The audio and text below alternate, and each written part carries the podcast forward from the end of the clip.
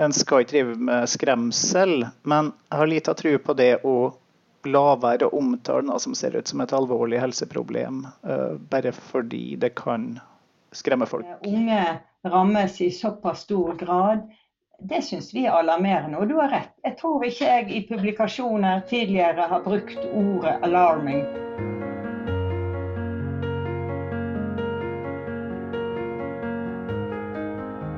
Langtidsvirkningene av covid-19 er vanskelig å overskue. Mange ulike plager rammer også unge og spreke mennesker, og lang covid er fortsatt et mysterium.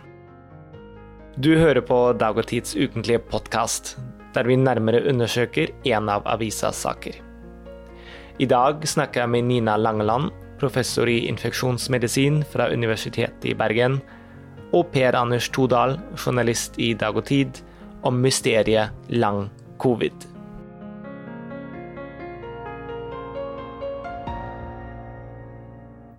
Per Anders, covid-19 er en sykdom som stort sett rammer eldre, som er mest farlig for eldre, og mange av de er vaksinert nå. Folkehelseinstituttet anslår at pandemien i Norge er over etter sommeren. Hvorfor skal vi likevel snakke mer om korona? Spørsmålet er hvordan korona pandemien skal forstås. Eh, jeg tror mange av oss mye av tida har tenkt bare på de akutte virkningene. At den er farlig for enkelte risikogrupper som en luftveisinfeksjon primært. Og at når eh, sykdommen var overstått og overlevd, så var faren over. Og eh, siden i fjor høst i hvert fall hadde kommet stadig flere rapporter om at det kanskje ikke var så enkelt. At mange sliter med merkelige symptom som ikke bare har med luftveiene å gjøre lenge etter overstått infeksjon. Og det rammer tydeligvis ikke bare eldre folk, det kan ramme unge folk helt ned i 20-årsalderen. Og somme av dem har så store plager lenge etterpå at de ikke arbeides før. Så det jeg ønska med artikkelen jeg skrev i siste nummer av Dag og Tid, den lange halen til pandemien ved å kaste litt lys over fenomenet lang covid, som det kalles. Og hva er lang covid for noe? Ja, ikke medisiner, og medisinerne sliter med å forklare hva det er for noe, dem òg, fordi symptombildet er veldig eh, komplisert og mangfoldig. Det handler slett ikke bare om luftveiene eller om eh, hjerte og kar. Det eh, kan ramme, virker det som, nesten hele kroppen kroppen. Eh, mange klager over kognitive plager, dårlig hukommelse, hjernetåke er det mange som viser til. Dårlig konsentrasjon. Og det vanligste symptomet ser ut til å være utmattelse, som ikke går over. Mm. Men hva årsakene er, det kan vi komme litt inn på senere. Det, det, er noe av et mysterium. Ja, og du skriver også det. Lang covid er fortsatt et mysterium. Hvordan gikk du da fram da du skulle undersøke dette mysteriet? Eh, som journalister flest så tror jeg ofte starter et nytt felt med et bredt og hvitt Google-søk. En må jo finne ut, Som forskere starter med et litteratursøk for å finne ut hva som allerede er gjort på et felt, så, så vil jo også journalister prøve å finne ut hva andre medium har sagt om det her. Og Da ser en jo at de beste og mest relevante studiene i det tilfellet her. Og en av dem hadde Nina Langeland vært med på å lede i Bergen. Og den kan hun skildre best sjøl, men det jeg syntes var eh, spesielt interessant med den studien, var jo at den kom i gang allerede i mars i fjor. Eh, så ja, forskerne har fulgt ei gruppe personer eh, over lang tid, og det gir jo et veldig godt grunnlag for å si noe om langtidsvirkning. Ja. Nina, kan du fortelle oss om den studien? Altså hvordan gikk dere fram, hva var det dere undersøkte, og hva fant dere ut? Ja, det er riktig at vi eh, begynte faktisk i slutten av februar i eh, fjor. Da når vi skjønte at uh, denne epidemien, etter at pandemien kom til Norge. Og da brukte vi det som vi kunne av tidligere utbrudd av infeksjonssykdommer. Og, uh, og vi vet at flere, flere, infeksjonssykdommer enn det som kanskje har vært kjent 20-30 år tilbake, gir senkomplikasjoner. Så, så, vi var interessert i flere ting. Vi var interessert i det akutte forløpet. Eh, hvor, hvordan smitter dette i familien hvis en i en familie blir smittet. Men vi var også interessert i ja, dette er en influensalignende sykdom. Det kan gi komplikasjoner, og eh, det må vi undersøke. Eh, så derfor rekrutterte vi de såkalte indekskasus, altså de som var testet positiv enten ved innleggelse på sykehus eller Bergen legevakt, for å få et komplett bilde av alle som var smittet i Bergen. For hvis du bare ser på sykehusinnlagte personer f.eks., så er det klart vi vet fra før at intensivpasienter f.eks. de får komplikasjoner som varer i lang tid. Vi hadde selv fulgt eh, et utbrudd med Giardia i Bergen i 2004. Og der var det faktisk pasientene som fortalte oss eh, dere spør og spør om vi har vondt i magen og diaré, men det er denne slappheten som plager meg. Eh, på lik linje som vi hadde sett oppstår etter kreft etter en del immunologiske sykdommer, leddgikt f.eks., har som bivirkning eh, en, en, en, voldsom fatigue. Eh, sånn at eh, dette hadde vi sett på før, og fulgt før. Så dermed tenkte vi at er det én ting vi kan noe om, så er det å se på langtidskomplikasjoner etter infeksjonsutbrudd. Og Fordelen med et utbrudd bare for å si det, er at blir, mange blir syke samtidig. Så du får liksom en ganske stor Eh, gruppe med samtidig syke som du da må følge over tid. Så du har sett dette her med langtidskomplikasjoner før, og hadde på en måte en anelse om at dette kan skje med covid-19 også? Jeg visste ikke at det kom til å skje, men jeg visste at det kunne ja. komme til å skje. Mm. Ja. ja. og Derfor så gikk dere altså i gang med denne studien. Um, hva ble resultatet? Ja, eh, Resultatene de eh, kommer as we speak, tror jeg jeg må kunne si. For eh, vi har fulgt de først, uh, tok vi de inn til uh, samtale og undersøkelse etter to måneder, så etter seks måneder. Og nå har vi faktisk nettopp hatt de inne til tolv måneders oppfølging. Jeg har ikke svarene for det. Vi, vi, har samlet inn opplysninger, men vi har ikke systematisert det ennå. Og vi har tatt blodprøver og sett på immunitet. Ja, det, det som eh, vi snakket om i, i dag og tid, og, og, som eh, kommer opp nå, det er jo dette at mange har symptomer etter et halvt år. Og det som overrasket oss, var først en positiv overraskelse. Barn får veldig like, lite langtidskomplikasjoner. Eh, men voksne, blant voksne, så ja, noe økning med alderen. Men eh, nei, eh, det er ikke sånn at eh, tenåringer og unge voksne i 20-årene går fri. Faktisk har de akkurat de samme komplikasjonene som, som de 20 år eldre eh, har. Eh, og det er ikke slik at gamle, som jo uten tvil er de som rammes hardest av den akutte sykdommen, Nei, det er ikke så mye verre med de. Litt mer av eh, noen av symptomene. Men f.eks. dette fenomenet som sikkert mange har hørt om, om tap av lukt og smak, det er nesten mer blant de unge. Men også ting som utmattethet, uh, hukommelsesproblemer. Uh, det syns jeg er bekymringsfullt at uh, eh, 20-åringer får dårligere hukommelse. Konsentrasjonsproblemer. Det kan tenke dere studenter, f.eks. Så det er det som som kanskje var noe av bekymringen vår når vi oppdaget hva vi faktisk fant. Mm. Ja, for det gjaldt jo mange. Det var 312 koronasmittede pasienter dere undersøkte. Og så de var, hadde 61% fortsatt plager etter seks måneder. Ja. Det er mange. Det, det, er mange. Det inkluderer riktignok også de som ble sykehusinnlagt. Det, det vi prøvde på, det var å få tak i alle. Og nå var det sånn at Testingen i Bergen i mars i fjor var slik at hvis flere i en familie var, var, hadde symptomer, så var det bare én per familie som ble testet. Så for å få et noenlunde komplett bilde, så spurte de om også familiemedlemmer, eller hvis det var studenter, de som bodde i samme husholdning, eh, eh, om de også kunne tenkes å være med. Eh, så vi, vi, eh, spurte de sykehusinnlagte, og vi spurte alle som testet positivt, pluss familiemedlemmene deres, for å få et så komplett bilde som mulig. For å unngå det der at, at vi får eh, eh, veldig mye symptomer av noen som har vært kritisk syke, intensivpasienter og den type ting. Så rundt 90% kom faktisk tilbake etter seks måneder. Mm. Du kaller funnene for alarmerende, og jeg vil tro at det er et ord som ikke du som forsker bruker hver dag.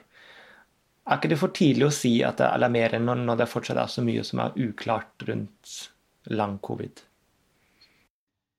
Jo, vi, det er mye vi ikke vet om eh, lang covid. Eh, men at eh, unge rammes i såpass stor grad, det syns vi er alarmerende. Og du har rett. Jeg tror ikke jeg i publikasjoner tidligere har brukt ordet 'alarming', som, som er det som eh, står her og som dere har lest.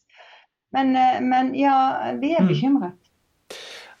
Per Anders, um, du nevnte jo at lang covid fortsatt er et mysterium, at det er mye vi ikke vet, sier Nina også for meg virker det nesten som lang covid er noe du enten tror på eller ikke.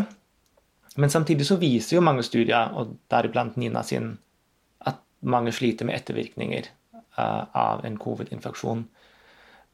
Hvordan kan det da fortsatt være et mysterium når f.eks. Nina sin studie er så tydelig på at det gjelder mange, og det gjelder alvorlige bivirkninger, eller ettervirkninger?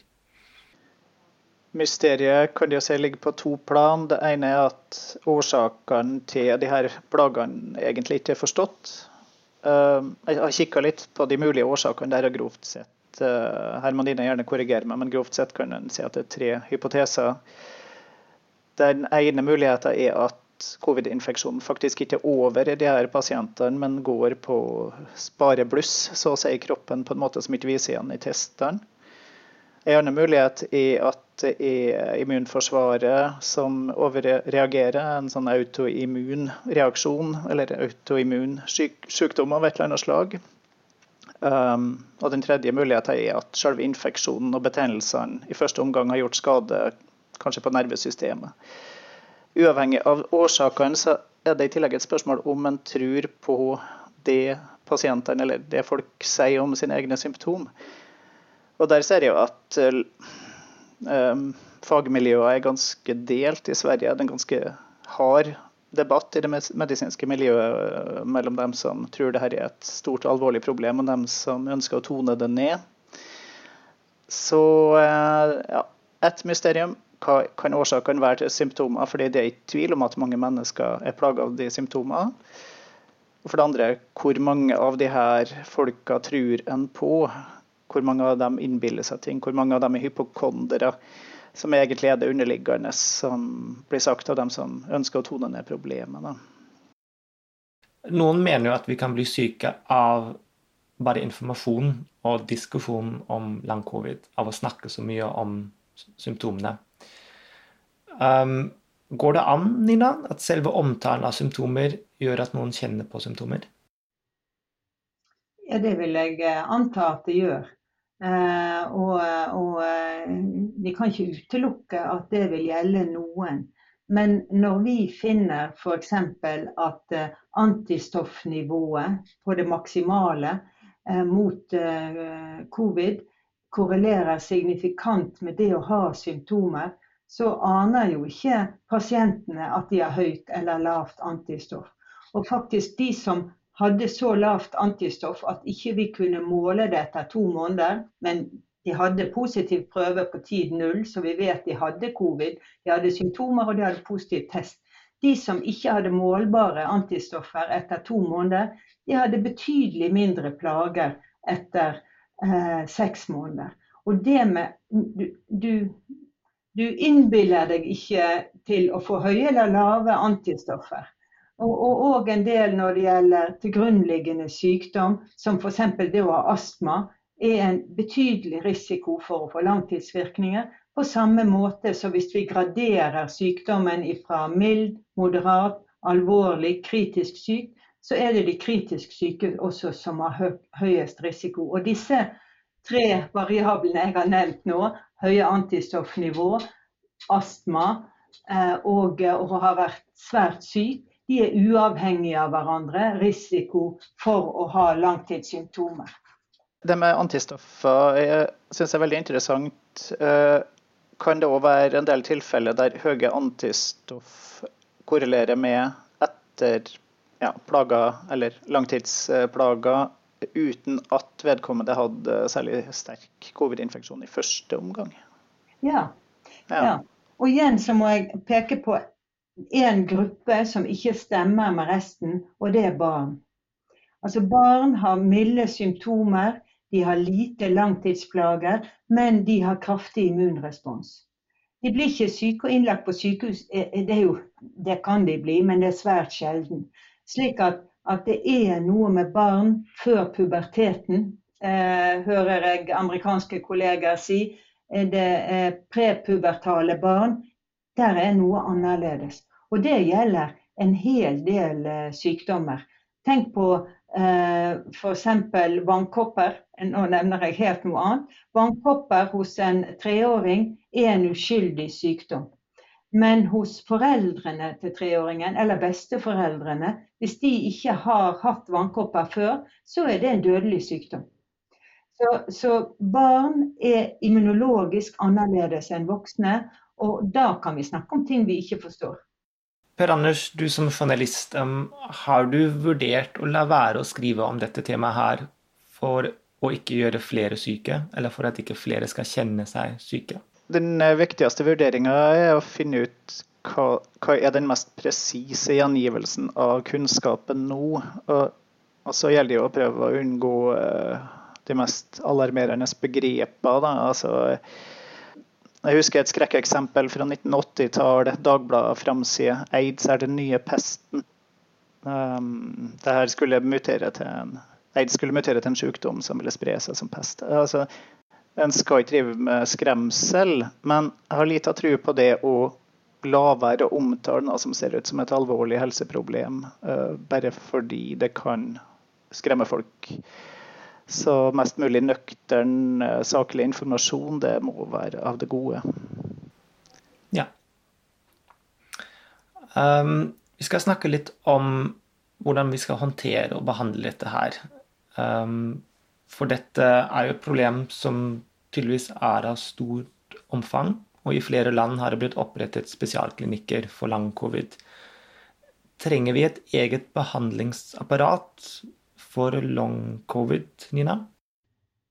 Nei, jeg eh, tenker at helsevesenet må kunne håndtere dette.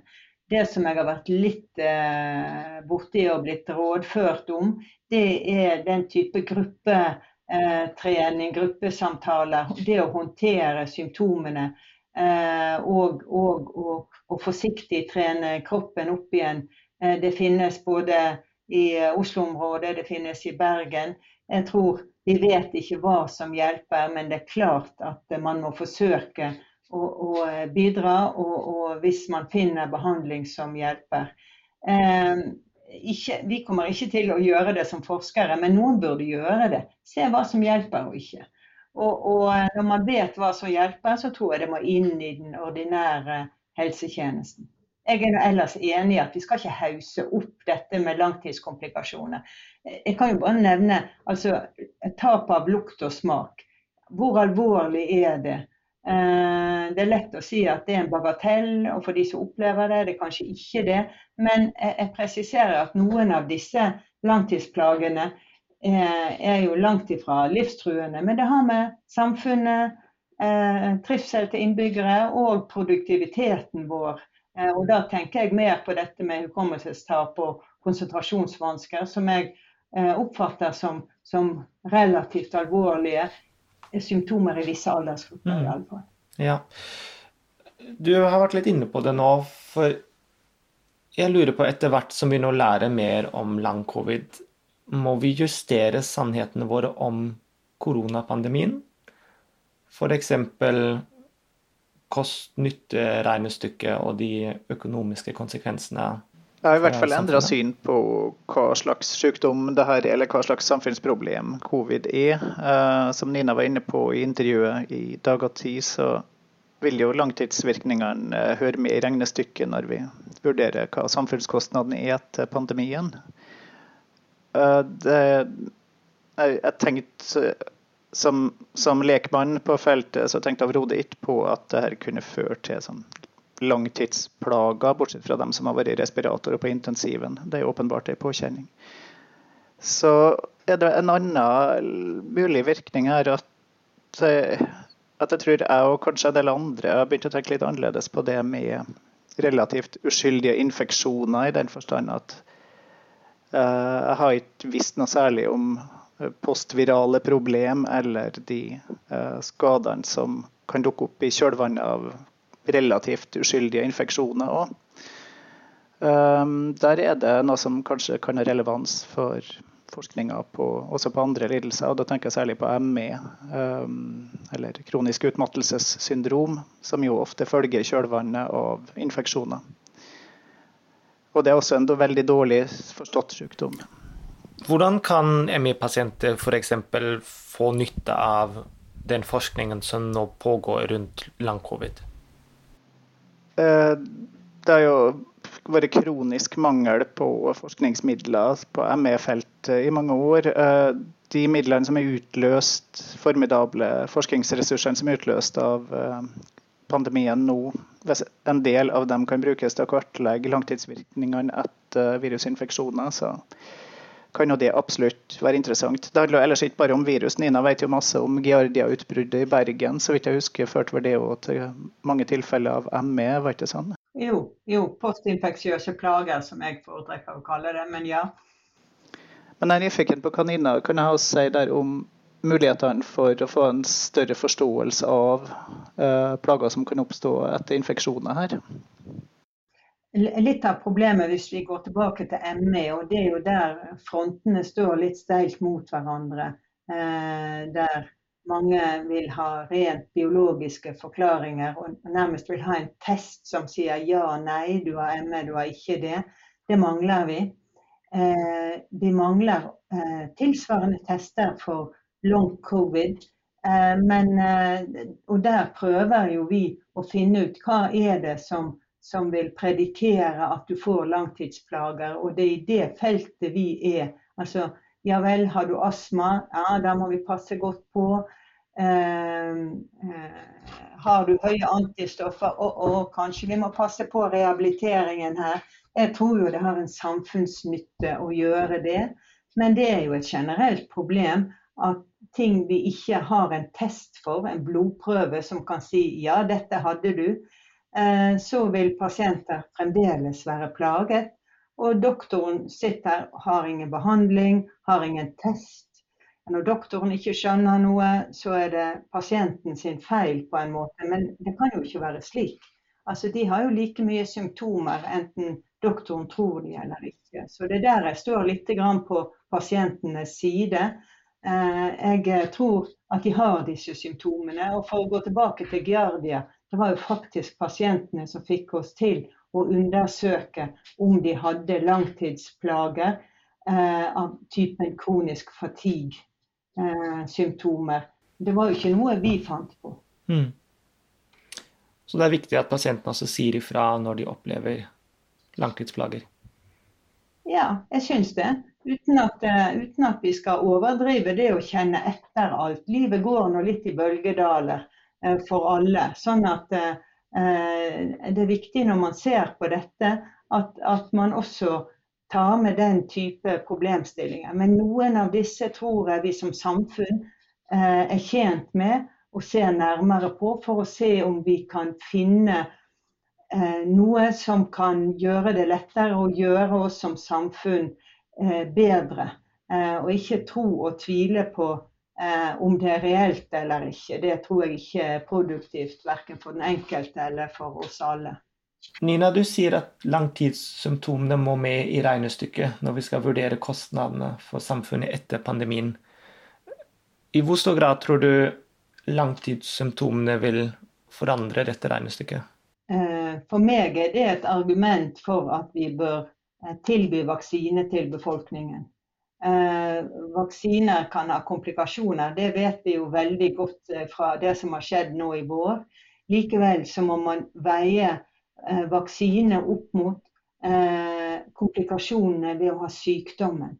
Og ingen er uenig i at sykdommen er betydelig farligere, også om vi teller levende og døde, enn vaksinene. Uavhengig av, hva vi måtte mene om de ulike vaksinene.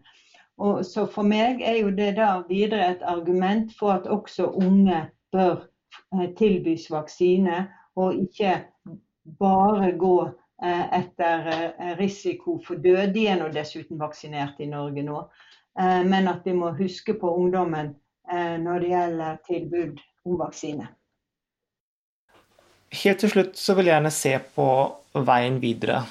Jeg lurer på hva som må skje nå i forhold til lang-covid. Altså, trenger vi mer forskning? Må vi diskutere den forskningen som finnes? Eller må vi bli enige om en formell diagnose? Opprette behandlingsmuligheter? Hva tenker du, Nina, er veien videre for å håndtere lang-covid? Ja, Behandlingsmuligheter er jo allerede i ferd med å bli opprettet.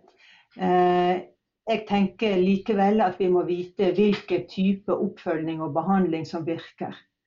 Eh, slik at eh, ikke diagnostikken og det å påvise at folk får langtidsplager, at det stopper opp der.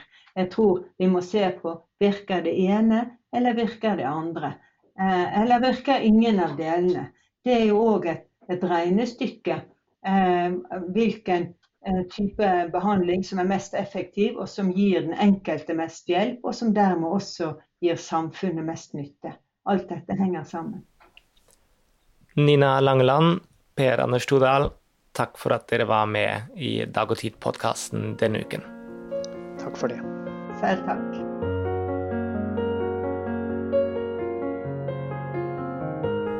Du hørte på Dag og Tid-podkasten. I studio var jeg, Gregor Falkner. Vil du lese artikkelen til Per Anders Stodal, eller har du blitt nysgjerrig på avisa og vil prøve den gratis i tre uker? Det kan du gjøre på dagogtid.no. Vi er tilbake neste uke. Takk for at du lyttet.